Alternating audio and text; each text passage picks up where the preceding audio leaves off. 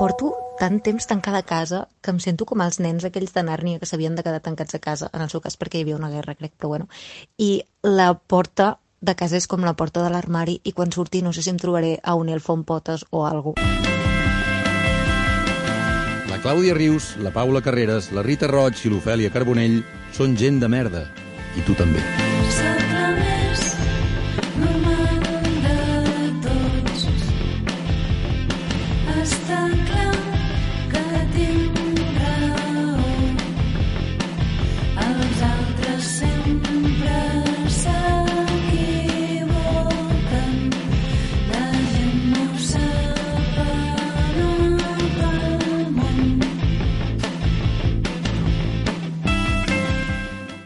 Paula, bon dia.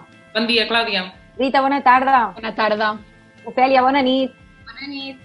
Bon dia, bona tarda, bona nit. Tant se val quan escolteu això, perquè el que trobareu en aquest programa és una dosi de preguntes sobre qui som, què fem, com vivim i com hem de viure, dissimulades sota capes de converses, quotidianitat, humor i bon rotllo, perquè en realitat l'únic que volem és estar tranquil·les i anar passant els dies sense deixar-nos endur pels milers d'incerteses que ens rodegen i ens angoixen.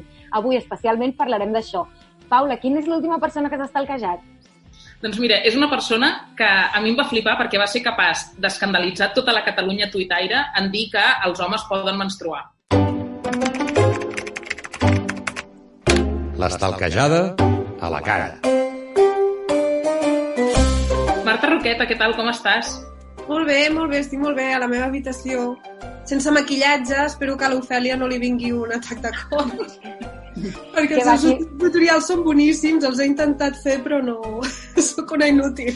I jo no em maquillo mai, eh? vull dir que així, tal qual, sortim tots. Jo vaig tenir ganes de comprar-me purpurina per posar-me-la per tota la cara només en veure el vídeo de l'Ofèlia. Jo vaig sentir com si estigués mirant una mà de contes, que miraves com algú feia una manualitat i t'explicava una història en plan, ah, mira-t'ho així i ja està. Però perquè totes em surt guapo a aquestes trucades menys jo, tio, em fot una ràbia. Que és només qüestió de llum. Ja està, res Eh que sí? Vull dir que veiem puta merda llum. Bueno, hola. Marta, per Escolta, Marta... Sí, digues, digues. no, que li anava a dir que crec que avui és el teu aniversari, no? Anava a dir el mateix. sí. Sí, Sí, moltes molt felicitats. De fet, tothom m'anava dient ahir, ué, demà què, demà què? I jo anava dient, demà m'entrevista gent de merda. I tot, no, Marta, no. I jo, bueno, he perdut la noció del temps aquí dins. Però sí, Que sí, raro, no?, celebrar el cumple així. sí, sí, és estrany. Però bueno, mira, ja és igual. No sé, és, és una, és, jo m'ho prenc com una aventura. Si celebres, vull dir, si el celebres vol dir que estàs viu i que estàs viva i no has dinyat de coronavirus, o sigui que sempre hi ha un motiu per celebrar. Ahir li deia a ma germana, dic, dic, diu, no, diu, els aniversaris, diu, jo dic, celebrar aniversaris quan ets vella és una merda, no? A partir dels 30 ja no fa il·lusió. I diu, no, diu, diu, és per celebrar que estàs viva. I dic, veus? Però bueno, Crec que sí, sempre fa il·lusió celebrar els comples. A mi m'agrada, a mi m'encanten els aniversaris. Soc aquest tipus de persona. ja, jo també. Sí, sí. Escolta, Marta, per qui no et coneguis, molta gent et coneixerà, eh? però per qui no et conegui, um, clar, t'hem estalquejat i llavors el primer que hem vist a la teva bio de Twitter és que diu que ets um, escriptora, investigadora i periodista feminista. Aleshores, tu col·labores a molts llocs, a molts mitjans de comunicació, dir, la gent li sonarà la teva cara d'haver-la vist a la tele o la teva veu d'haver-la sentit a la ràdio, i llavors, un dels mitjans on col·labores és Fotlipou, que és una web que està molt bé, per què no dir-ho, i, i llavors l'altre dia vas, eh, vas escriure un article que ens va interessar moltíssim, que deia, eh, es titulava De dones frívoles i fràgils. Mhm. Aleshores, um, per qui no l'hagi llegit, l'article, bueno, ja suposo que després el podem enllaçar, el podrem enllaçar a Twitter o així, però, però resumim-lo una mica de què anava, perquè jo crec que el tema és interessant. Ah, jo! Bueno, és que, no però... quina, cre- quina és la teva tesi, Marta? M'estava mirant a la càmera. Això és el que fa tothom quan fem videotrucades. Va, eh, jo, bueno, sí, no, estic malalta, no em feu cas. Um, doncs, bàsicament, um, doncs, l'article anava de que una mica seguint, em vaig llegir Normal People de Sally Rooney, gent normal, val? I també ho vaig veure en Kells, que és una sèrie que no em vaig acabar, tu em va dir, la sèrie Millennial, i jo vaig dir, boda, i efectivament va ser un blur. I llavors, uh, sempre hi ha com, i també a Fleabag, Fleabag no l'he vista. Però sempre hi ha aquesta idea de la tia, no? De la noia jove que està formada, que normalment vol fer un treball creatiu, però està insegura i està ansiosa. I, i, em, i a mi això doncs, em començava a emprenyar molt perquè, perquè la gent diu és ficció, però no és ficció. És a dir, quan tu ets una noia de la indústria cultural o creativa, veus que et, et demanen sempre una mica hi ha una tendència a demanar-te això, segons quins articulistes o quan ets articulista o escriptora, doncs et demanen una mica aquesta idea, no?, de que tu sempre et pensis des de la inseguretat i des de la- l'autoficció, no?, en el cas que escriguis, o des de, des de molt l'experiència personal. Val? I dius, no hi ha res dolent en tot això, però arriba un moment que se t'encasella. I jo una mica estava farta d'aquesta promoció de l'encasellament. En el moment en què una, una dona jove comença a escriure de, amb un estil acadèmic o, o simplement a debatre l'actualitat política sense aquest punt de vista personal, en el sentit en què, evidentment, tots els tota la informació és, és un punt de vista personal, però en el moment en què no hi poses experiència i sobretot una experiència que denoti que estàs insegura i, i, i el món et supera moltes vegades perquè ets dona no? i ets jove, doncs ja sembla que hi hagi com una mena de rebuig. No? Moltes vegades es parla de, de la síndrome de la impostora, però penses, és que la mateixa societat vol que, que t'encasellis des de la fragilitat, que estiguis permatent, permanentment insegura. No? no deixa de ser com ara les dones, com que cada vegada tenim més formació i moltes vegades en tenim més que els homes, dona, que abans era una ninfa, no? que era insegura, que era infantil, doncs ara d'alguna manera s'està intentant adaptar a un context en què les dones ja, ah, ja podem o sigui, entrar en l'àmbit de la racionalitat no? i entrar en els discursos acadèmics en els discursos filosòfics utilitzant el llenguatge no? que fins ara s'havia reservat només als homes blancs. I jo volia dir doncs, una mica això, que jo estic farta. I fins i tot el mateix feminisme, en el moment en què s'ha centrat en la confessió, moltes vegades també ha estimulat això. És a dir, en un moment en què hi ha una política de la confessió gràcies al MeToo, que ha servit, evidentment, per visibilitzar un problema, però que al mateix temps doncs, hi ha aquesta política de la identitat a, a, a, que tampoc és, és no? que, que estigui malament, perquè al cap i a la fi la, la, el pensament que hem tingut sempre és una identitat masculina blanca absolutament universalitzada. No? I una mica la, la, la idea és que ara sembla que la subjectivitat femenina millennial s'hagi de construir a partir d'això, de la vulnerabil- vulnerabilitat i sobretot d'una certa vulnerabilitat sexual. No? És fins i tot el que veiem en Joc de Trons, que les, les dues grans reines, no? la Daenerys i la, i la Cersei, al final cauen per febleses femenines. No? Una es torna boja, l'altra en realitat volia ser mare de família i no sé què, i les dues moren a mans de, dels seus amants, en braços. Marta, escolta una cosa, o sigui, perquè ara, o sigui, has dit moltes coses, val? Em, Talleu-me quan vulgueu. O sigui, és que ja, jo veig diverses coses aquí. Primer que aquesta... um, Aqu um, o sigui, crec que um, tu el que vols és defensar la figura de la dona intel·lectual que no parteix de la vulnera- vulnerabilitat, etc. i això és una cosa, i que això no vol dir que estigui malament tota la resta, saps? I que, i que no sigui possible també que les dones ens, ens visibilitzem de formes diferents i ens representem de formes diferents, perquè al cap i a la fi les dones que també eh, decideixen representar-se des de la vulneració, etc o assumint o dient clarament a mi això em genera ansietat, el que sigui, amb, en, en realitat ho estan fent de forma pròpia. O sigui, a l'Helena Dunham ningú li ha dit escriu tu així, és, és una voluntat seva, ella ha decidit com ella volia representar-se com a dona. Sí, és el, és el que vull dir. És a dir, el, el problema és que per, per aconseguir aquesta autorepresentació lliure i creativa s'han d'evitar les modes. O sigui, jo sóc molt contrària a tot el tema de la moda i tot el tema de la institucionalització. És a dir, el problema és quan tu els dius a les dones no, no, no, tu només podràs escriure i tu només podràs crear a partir d'aquest element. Però això no ho diu, això no ho diu ningú, no? Home, dir- uh, més d'una vegada uh, quan vas a parlar quan vas a parlar amb editors o, o, o fins i tot articulistes, moltes vegades sí que et treuen la idea aquesta de "Ai, ens esperàvem una proposta de llibre més personal, per exemple. I dius, hòstia, ja, però és que no, potser no vull, saps? O, o una mica el fet de, per exemple, el, a la internet, no? quan, quan escrius um, doncs, segons quines coses i, i sobretot en les interaccions a Twitter sempre ve el mateix. si, si només parles amb, amb, amb, una, amb un llenguatge que molts autors fan servir, com per exemple Joan Bordeus, uh, Pau Llong, Jordi Grau Pere, etc., tu passes a ser la repel·lent, tu passes a ser la la, les set ciències, no? En canvi, ells són buf, buf, no? I al final arriba un moment en el qual dius, bueno, però, saps? I això, per exemple, ho comentàvem molt amb l'Alice Duval. O sigui, l'Alice Duval també era d'aquesta idea. De dir, clar, eh, ser, o sigui, els homes poden triar entre ser Nausgar o ser, eh, o ser Sisek, no? En canvi, les dones joves moltes vegades hi ha moltes pressions perquè siguem només Nausgar, sabent que mai serem tan bons com Nausgar.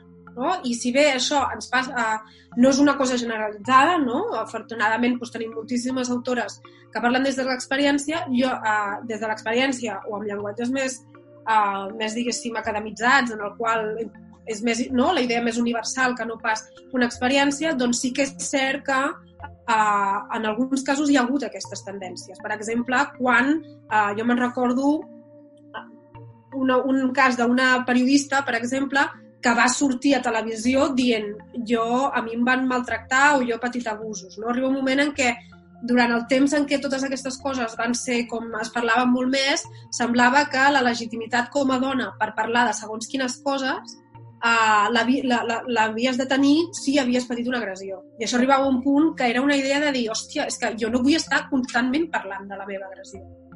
No? Vull dir, Sí, o sigui, totalment. Alhora també hi ha un punt en què si, um, si les dones volen representar-se com a dones intel·ligents sense haver de passar per l'experiència pròpia, també hi ha un punt en què s'han de comparar sempre amb els models masculins. I els models Sí. masculins intel·ligents acostumen a ser agressius i potser les dones no volem ser-ho.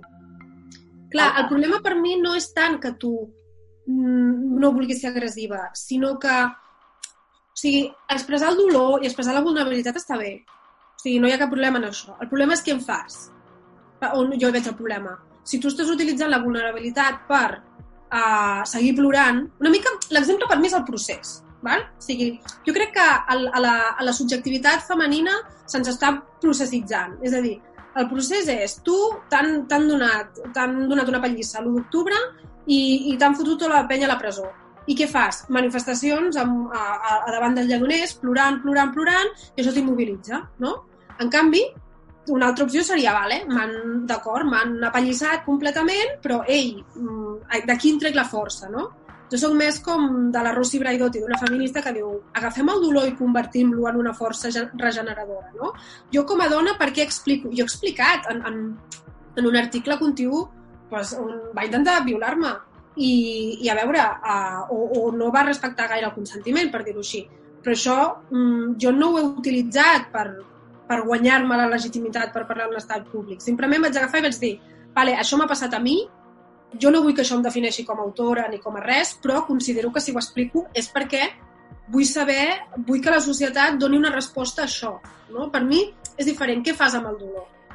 No? És a dir, Però jo el que veig amb la base de tot això és que les dones hem de demostrar més que som intel·ligents. Però jo estic cansada, jo no vull demostrar que sóc intel·ligent. Qui vulgui pensar que ho pensi, jo no haig d'anar parlant i donant lliçons a ningú per demostrar que jo sóc intel·ligent. I sembla que ho haguem de fer. Sembla que les dones acadèmiques hagin de repetir molt més que, de, que, els, que els homes que tenen un coneixement. Doncs no cal, s'ho faran, qui no ens cregui que no ens cregui. Mira, mira, mira el cas l'any passat, me'n recordo, el 8 de març, l'especial 8 de març, que van fer a TV3, aquell programa de la Laura Rossell. Hi havia tres, tres, tia, tres tertulianes que eren, cadascuna estava formada en un tema. Hi havia la Miriam Khatibi, hi havia la Júlia Barceló, que és una de les actrius que va moure el, C, el CXUS i que ha fet moltes campanyes feministes. Hi havia una altra professora que era experta en moviments de gènere. Qui hi havia a la banda dels homes? I a l'entrada, per què coi han de sortir tres homes tertulians, no? Qui hi havia a la banda dels homes? Soto Ibars, uh, Bernat Quintana i no sé si Gerard, Xavi... Gerard. Gerard, Gerard Quintana. Gerard Quintana, mare de Déu, però pobre Bernat. Gerard Quintana, vull dir, tres senyors que deies, però vostè què està fent aquí? Vull dir, no és que tu hagis d'estar constantment reclamant, és que ja has de, hi arribes i quan hi arribes t'exigeixen uns paràmetres que els homes no els exigeixen. No? És a dir, ets un... ells són una quota i, evidentment, si tu arriba un moment que quan et pregunten 10.000 vegades i tu qui ets i dius jo sóc aquesta, llavors és quan entren que ets una presumida, que ets una no sé què. És a dir, és a dir una dona crec que no demostri la seva vulnerabilitat és, és, és poc ben rebuda. No? I un exemple molt clar, per exemple, és quan Ada Colau va explicar tota la seva experiència de violència obstètrica, eh, que ho va fer un post a Facebook, jo vaig pensar, està molt bé que ho expliquis, però tu ets la dona més, una de les dones més poderoses de Catalunya ara mateix. Ets l'alcaldessa de Barcelona. Quines són les mesures que tu faràs o quins són els programes que tu impulsaràs per evitar la violència estètrica? Marta, un segon, pot ser que tinguis el WhatsApp obert? És que s'està sentint... Hòstia, tinc el WhatsApp obert, t'ho juro. Ja està, ja no el tinc obert, crec. Vale, vale. Ara us he perdut a vosaltres. Sí, és un horror. Però digueu, què més? No, o sigui, en, entenc el que dius. Jo crec que també hi han d'haver diferents dones en, en tots els aspectes i, i en tots els espectres i que, per exemple, posaves l'exemple de, de l'Ada Colau i és veritat, jo hi ha certes dones que no vull que m'expliquin quines violències han patit, igual com les han patit milers de dones més, sinó que el que vull és que agafin un, un altre paper perquè estic farta de que tot es redueixi a l'experiència personal, personal i el que també vull és que hi hagi dones que puguin um, simplement pensar i no sé, articular les seves idees i que siguin realment útils en la societat sense que tot parteixi de l'experiència personal. Però això no treu que, per exemple, al teu article hi havia un, hi havia un, un apartat que deia com... Mm, o sigui, tu deies, com fa una dècada, Joumana Haddad eh, clamava matar la Jarassat per iniciar una revolució sexual i feminista a l'Orient Mitjà. Podem recollir-li el ganivet i començar a degullar totes les dones millennials. És hora de cridar, sí, sóc una repel·lent, sóc una mala pècora i espero que totes les dones de la meva generació i les que vindran ho siguin. O sigui, hi ha com aquest voca- jo ente- entenc perfectament el que vols dir, és que de fet podríem estar perfectament d'acord, però és que no m'agrada gens el, el, aquest bel·licisme, aquest, aquest, um, aquest llenguatge agressiu per tal de demostrar que les dones som intel·ligents, és que ho dono per No. superfet. Però és que no, no és un, un llenguatge bèl·lic, és a dir, però sí que ho és, però també, a veure, jo és que, jo és que per exemple, la meva subjectivitat és molt bèl·lica en aquest sentit, val? Um, per, per, per la meva educació, jo tota la vida m'he educat en tios, per exemple, val? o sigui, tots els meus amics més propers, tot, tot eren nois, i sí que és cert que potser alguns elements de soci- socialització en la meva persona són molt competitius i són molt bèl·lics. Però jo el que vull dir, per exemple, en el cas de la... És a dir, tot coneixement és situat. És a dir, tota persona té, uh, doncs, doncs, doncs crea coneixement a partir de la seva experiència. El problema que jo, per exemple, deia a Ada Colau és la idea de dir, em pots explicar la teva violència obstètrica? Perquè jo considero que és important que aquests, eh, el que dèiem, no, del personal és polític, és important que les dones polítiques apropin una altra perspectiva, però eh, no et quedis amb això. Perquè digue'm què faràs tu, a partir de la teva experiència, que saps que han patit moltes dones, digue'm què faràs tu per solucionar-ho. Sigui, jo crec que el problema d'això també és que al final l'experiència... O sigui, és la, el, el límit molt fi entre explicar una experiència personal perquè sigui coneguda, etc i el màrqueting. I no ho dic amb el cas de la Colau, eh? ho dic amb el feminisme en general. Hi ha com una línia molt fina entre, entre voler vendre coses i posar-les sobre la capa del feminisme i simplement voler explicar alguna cosa perquè la societat necessita sentir-ho perquè hi ha punts de vista que no s'han... No Clar, és la idea de la víctima. És a dir, la societat sempre ha posat les dones com a víctimes. Per això en violència masclista, en, lloc, en molts casos, en lloc d'utilitzar víctimes, s'utilitza supervivents. Per tant, si tu estàs constantment utilitzant... O sigui, la imatge de la dona millennial sobrepassada per les circumstàncies és entra perfectament en la categoria de víctima, quan en realitat també hi ha una, una relació de dona millennial molt associada a la blanquitud. Normalment, els grans paradigmes de dones millennials, com per exemple girls, totes són blanques de classe mitjana alta, no? Per tant, ja t'està dient també qui entra aquí. Però, però a més és, és això, és, és aquest el problema. És a dir, jo, jo, que les dones ho han passat fatal, i això ho, ho sabem totes les que som aquí. Però la pregunta és, davant d'això, les que tenim veu, què fem? Ens recreem en la nostra tristor? Evidentment que qualsevol pot estar deprimit. Precisament un dels grans problemes, per exemple, l'altre dia sortia una, un, un tio internet que deia per què no tenim més Margaret Thatchers en lloc d'Albert Vergés, no? I, i, un, i, un, i un altre tuitari responia, bueno, la Margaret Thatcher era alcohòlica, o, o va tenir problemes d'alcohol, o problemes de, de salut mental, i va tenir una addicció, precisament perquè, i, i mira Churchill, per exemple, no? És a dir, el poder passa factura, ho sabem, i precisament si els homes moltes vegades pues, se suïciden més, no? les taxes és precisament perquè no, perquè no tenen eines moltes vegades socialment ni per gestionar les seves emocions ni per demanar ajuda, no? Per tant, jo crec que això és molt important, és a dir, sí que hem de posar la vulnerabilitat. Ara, ha de ser nostra aquesta vulnerabilitat. I jo el que estic veient és que els mitjans de comunicació i els discursos que estan sortint ens l'estan traient, o sigui, ens l'estan utilitzant al nostre compte. Jo crec que un dels, dels reptes que té el feminisme contemporani és agafar, o sigui, el, el masclisme moltes vegades s'ha basat en, en agafar uh, algunes coses de les dones que no estan ni bé ni malament, com per exemple l'atractiu físic, um, l'atractiu físic, la sexualitat o per exemple la, la vulnerabilitat i transformar-lo en contra nostra. No? És a dir, és a dir, ser vulnerable, has de ser vulnerable. El problema és que els discursos majoritaris fan que això sigui no, uh, més, més perjudicials, diguéssim. No sé si m'estic explicant. O sigui, Sí, és aquesta idea de dir, jo vull fer, jo vull ser lliure per administrar el meu dolor. I jo el que estic notant últimament, que des dels moviments feministes fins a certs corrents del mainstream ens estan traient la capacitat de gestionar el nostre dolor. L'estan utilitzant, que és una mica el que passa, passa sempre amb la sexualitat i el Jo crec que també, Marta, aquí hi entra un, en joc una cosa amb la millennialness. Entenc que, sem, que pugui semblar que, que la millennialness, um, o sigui, que, que les millennials um, juguin només amb la victimització i tal. Que nosaltres mateixes també ho fem, però crec que aquí ens estem oblidant de l'humor, perquè crec que les millennials parlen de tot això, però també fan servir una ironia tota l'estona, cons conscientment, o sigui, alhora expliquen certes actituds angoixants que viuen, però alhora també les ironitzen i saben des de quin lloc parlen i saben des del privilegi en què parlen i, i no és victimitzar per victimitzar, jo crec. No, no, sí. àmbit. Si jo, en el fons, el, el que vull dir és que no és que els millennials siguin el pitjor, és a dir, sinó que, que estem aportant una, unes noves uh, formes de veure el món, unes noves formes d'entendre'ns a nosaltres i als altres, no? que a més estem a cavall entre la digitalització i el món analògic, i jo crec que això és un punt de vista super interessant, no? El problema és que jo el que, en el que venia a dir l'article és que ens ho estan traient de les mans. Val, passarem a la secció de la Filomena perquè ens expliqui quines xarxes socials ha estat remenant aquesta setmana i què tenen a veure amb tot el que estem comentant fins ara. Remena, Filomena. Remena, remena, nena. Remena. Jo et presento la Filomena, que és una amiga nostra que molts cops doncs, busca Va. coses per internet i ara s'està preparant ja pel desconfinament, llavors havíem fet una pausa però s'ha tornat a descarregar el Tinder i no se'n recordava gaire de quin tipus de coses hi havia i s'ha sorprès molt de veure que hi ha molts, molts homes que el que demanen a la seva descripció és, o sigui, posen, diuen quin nivell intel·lectual vol que tingui la persona que busquen, no? I demanen molts cops doncs, que sigui algú amb qui puguin tenir conversa, que no siguin dones superficials i tal.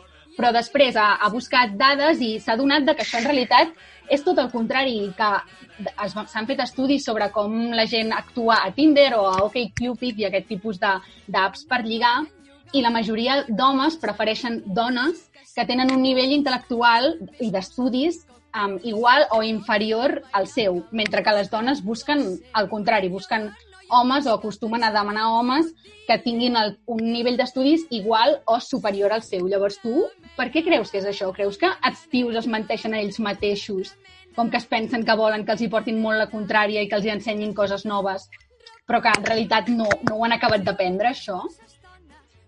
Um, jo crec que és, un, és com una mena de remanent de, de, de les relacions de gènere que hi ha hagut sempre, no? És a dir, uh, vulguis o no, doncs, doncs el rol sempre ha estat el de proveïdor home i proveir de dona, i jo crec que en certa manera uh, doncs, d'això- doncs això es va reproduint.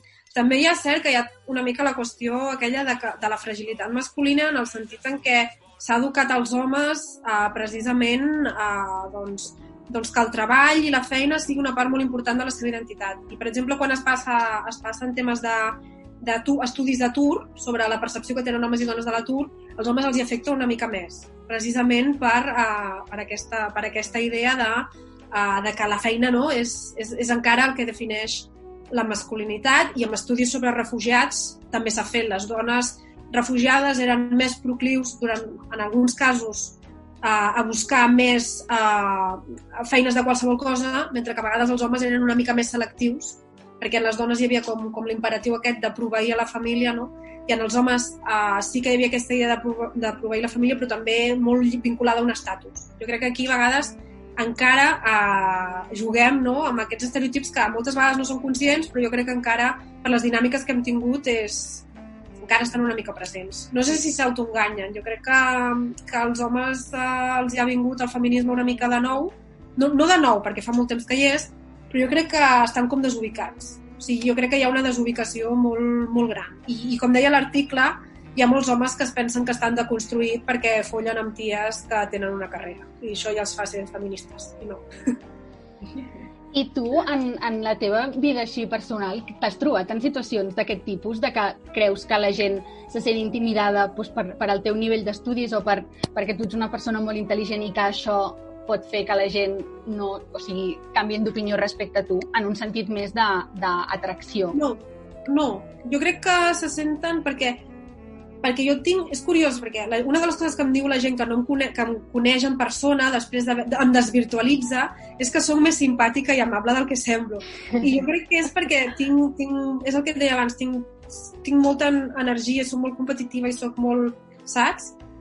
Tinc una personalitat que, que tendeix a, a fer a, a manspreading, potser, en alguns casos, i jo crec que, que no es senten tan coimbits per, perquè jo pugui haver estudiat tot, tot, perquè al final això jo crec que és igual. Jo crec que moltes vegades el que és important és... La, la, la feina, en el fons, et diu quines tares tens. Jo crec que la feina és la forma capitalista d'articular d'una forma productiva a cada una de les tares que tenim cada una de nosaltres. No? Els cirurgians, per exemple, pues, eh, són un ex, uns excel·lents esbudelladors i alguns periodistes eh, pues, tenim, bueno, tenim egos uh, Sí. molt grans i llavors doncs, eh, la premsa ens va molt bé, no? Uh, però en certa manera uh, jo crec que, que sí, que la meva personalitat és forta i, i, i, i això i ser feminista. Ser feminista és... Uf, uf, vull dir... No, i, però clar, no m'envien fotopolles per Twitter, llavors no sé exactament si sóc una bona feminista, perquè que no m'enviïn fotopolles és una cosa que em té molt traumatitzada des de, des de que, que estic a Twitter. És molt interessant això que dius, perquè jo realment crec que vaig estudiar periodisme perquè m'agrada l'atenció i punto. O sigui, com que realment el que tu decideixes mm, professionalitzar són coses teves que, Clar, no, clar, havia és, vist mai així. És molt és interessant. una professionalització de les tares. Vull dir, els periodistes som gent, som, som gent que volem dominar el món, però estem frustrats perquè, perquè som elitistes i llavors veiem que el món és inculte i diem, pues, el meu pla de, de dominar el món, primer de culturitzar la gent. Pues soc periodista i llavors dominadora del món. És això. I després ens, ens frustrem tot el dia per, per Twitter perquè és l'únic lloc on realment hi ha els periodistes Ja, i tu- parlen. Twitter és un- La resta de gent li suden els periodistes d'una manera èpica. Clar, la gent diu la bombolla de Twitter. No, Twitter és un lloc on, on, els periodistes, els intel·lectuals, els polítics, doncs, doncs fem el nostre Vanity Fair, saps? I els xelistes, com la Cèlia, doncs, doncs també fem el nostre Vanity Fair en què ens expliquem les nostres merdes i estem contents així. I fem parelles i si hi hagués una, si hi hagués una malaltia de transmissió sexual que es passés per Twitter, doncs, doncs la meitat de la tuitosfera catalana la tindria. Vull dir que tot, tot, tot bé. Vull dir, jo, jo ho veig bé. Twitter és un safe space per, per, per gent frustrada. El resum. Escolta, Marta, tu creus que prens gaire decisions de merda en el teu dia a dia? Constantment. Doncs ara te'n farem prendre unes quantes més. Vale, va. Decisions de merda. Jo ara vull parlar d'un altre tema, d'un altre article que vaig llegir-te durant el confinament, que també va portar una mica com de polèmica, que va ser el de les masculinitats catalanes. Sí. Que, bé, em, ho vaig trobar superinteressant, perquè mai ho havia pensat. I a més va coincidir últimament, no sé si has vist, per un altre sector de Twitter que estan com idealitzant i fent de, com de fangirls i fanboys de Fernando Simón i Pedro Sánchez. No sé si Sí. ho has trobat. Hi ha un article al temps sobre Fernando Simón i la masculinitat cookie. Déu! Fernando Simón és, és cookie. Sí, però jo volia pensar, volia preguntar-te, clar, perquè nosaltres, al teu article parlaves de com ho vam fer amb Trapero, quan lo del Sí. procés, i com ara ho hem estat fent amb Oriol Mitjà, i pensava, i en, com és que mai ho fem amb polítics? Quin polític català pod podríem dir, uah, aquest és el meu, el meu crush? I jo et Jordi volia Cuixart, preguntar... no? Jordi Cuixart. Home, Raül Romeva va generar crash. Sí. I, Sí. I Artur Mas, per un sector de, de, de dones de dretes, eh, també, o sigui, se'l presentava com el fucker. Artur Mas era fucker. Artur Mas era el Superfucker, fucker. l'Artur Mas. La caracterització del Polònia ja era això. Sí, El sí. guapo, gràcies, ja era això. Romeva ho va ser. Cuixart és el gendre perfecte. A la trucada aquella dels tres expresidents que van fer, el, que era el Montillo, que estan una mica ja no tan fuckers, Vale. heu de, fer, heu de convidar-nos els tres al proper Gent de Merda. Oi. Com a pack, perquè per si sols no. No, no. No, no, no. alhora o res. Una boyband, és una boyband. No, no, però el Mas es va posar la barba. O sigui, parlem de, heu parlat de la tendència dels homes de deixar-se barba durant el confinament? la barba és el Wonder, el Wonder Bra dels homes. I, però jo vaig El- veure... Vaig veure el, Sí. El, Digues, digues. la foto del torrent. Jo no l'havia vist mai sense barba. I vaig Flipo, veure... Ofe, que no haguessis vist aquesta foto perquè, o sigui, durant un moment tot el que es parlava és torrent abans i després de la barba. O sigui, Jo No tampoc vaig l'havia vista. Jo tampoc l'havia vista, Clàudia. Aquelles de lletres informàtic com del 2005. Jo ara volia preguntar-vos a totes si haguéssiu, haguéssiu d'agafar un president de tots els presidents que no hi ha hagut a la Generalitat i dir, vale, aquest és el meu crush, jo faré vídeos dient lo guai que és i lo guapo que és, quin seria per cada una? Jo ho tinc molt clar. Jo començo. Jo vaig anar a la Viquipèdia, llista de presidents de la Generalitat, perquè tampoc sóc tan llesta i llavors no, sé, no me'ls sé tots. I el primer que té foto, que no és ni una foto, és com un gravat, és Pau Clarisi. És molt guapo. O sigui, jo me'l- me lo pido. Té una barba estupenda de hipster del 2012 i el, amb el bigoti. O sigui, 1600 is the new 2012, 100%. I, bueno, amb la vestimenta que porta i tot, jo ja us passaré una foto després, però, bueno... La, una confessió? Digues, Sí, digues. digues. Jo vaig tenir un somni eròtic amb Artur Mas. Perquè no només agradava a les de dretes, Artur Mas. El, el guapo, No, no. gràcies, era perquè era més generalitzat. No, sí, sí. Sí, sí. Llavors Bueno, tu esculls Artur què? Mas. No ho sé, perquè era el temps del Polònia i era, una, era un d'allò en què em deien, em venia gent de la Generalitat, els, els guardaespatlles, i em deien, escolta, que Artur Mas es vol embolicar amb tu. I jo deia, hòstia, no sé, perquè està casat i tal. Diu, diu bueno, però és que Catalunya, fes-ho per Catalunya, Marta. I jo vaig dir, bueno, si és per Catalunya, jo em tiro Artur Mas. I, i acabava aquí perquè, amb, per una cosa de, de, de, de, de d'agendes no vam poder arribar a consumar. Però la idea era fer-ho a la taula de la gent. Vull dir, bueno, una moguda molt divertida. M'agradaria molt que algú es connectés just en aquest moment del programa i pensés que això és totalment real, que no estem parlant de cap somni. És material de fanfiction, eh? És com... Ai, Un argument sòlid. Va, vosaltres Un- qui, qui us tiraríeu de la gent? Un Va. còmic, un còmic català amb la Roqueta i l'Artur Mas, allà tots dibuixats com superherois, amb els somnis eròtics. Seria No, va, bastant... digueu vosaltres. Jo ja m'he confessat. Mm. Sí, jo el primer que em ve al cap és, no sé, és Lluís Companys, però crec que és una mica com per pena, en plan, per, per tenir una victòria, jo què sé, pobre home. No sé vosaltres. Perquè el Francesc Macià de jove com era? És que clar, jo tinc com la imatge del Francesc Macià com... no, no. El Francesc No. Macià no té fotos de jove. Estic buscant. Aviam. I ara ve, Ja. Però No la foto de la Viquipèdia surt amb les celles així, i així és com saps que ho fa bé, saps? Vull dir, Com? Com Amb que una surt amb, més amunt amb una cella així com, no sé com dir-ho, amb una cara de, de, de lligar bé, no sé, és igual. No I sé amb bigoti. surt. Qui? Paula, tu no em mulles. És Macià de gòtic. Ja, Paula, digues. És que a mi no em sembla gaire sexy. O sigui, l'eròtica del poder en general no és un tema que m'atraigui gaire. O sigui, no, no, no, no em sedueix. Vull dir, a mi pel fet de ser president de la Generalitat no li suma punts a ningú, saps? Bueno, però estem demanant dels que hi ha, amb qui liaries, que, qui t'embolicaries i ja està.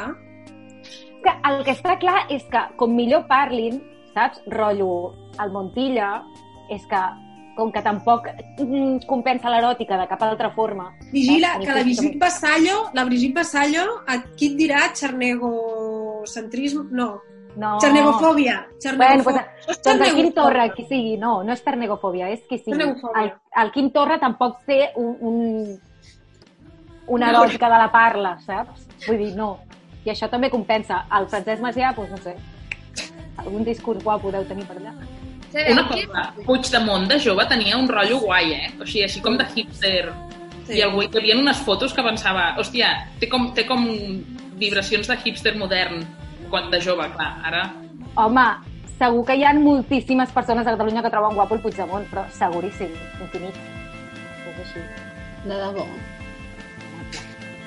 Sabeu, era guapo i així ja podem acabar amb una bona imatge. A veure, Verdaguer ha sortit una foto últimament. Ah, sí. qui era? Verdaguer. Això era un tuit d'algú. Sí, un era un tuit d'algú. Era un tuit d'algú que posava una foto al Verdaguer. Sí, Bueno, és igual, és igual. Era guapo, de jove. sí. sí. És d'aquells de vine que m'exorcitaràs, saps? Un dia ja farem la... Un dimoni dins! Necessito que amb l'aigua beneïda me'l me treguis. Un dia ja farem la versió personatges de cultura després de, de fer el repàs pels polítics. Vale. Bueno, Marta, mo- moltes gràcies per venir i per Vosaltres? discutir amb nosaltres sobre com de guapos són els polítics de, de Catalunya. I no, i la millennialness i altres coses. Merci. Adeu. Facis bon aniversari. Ai, I bon aniversari. Adeu.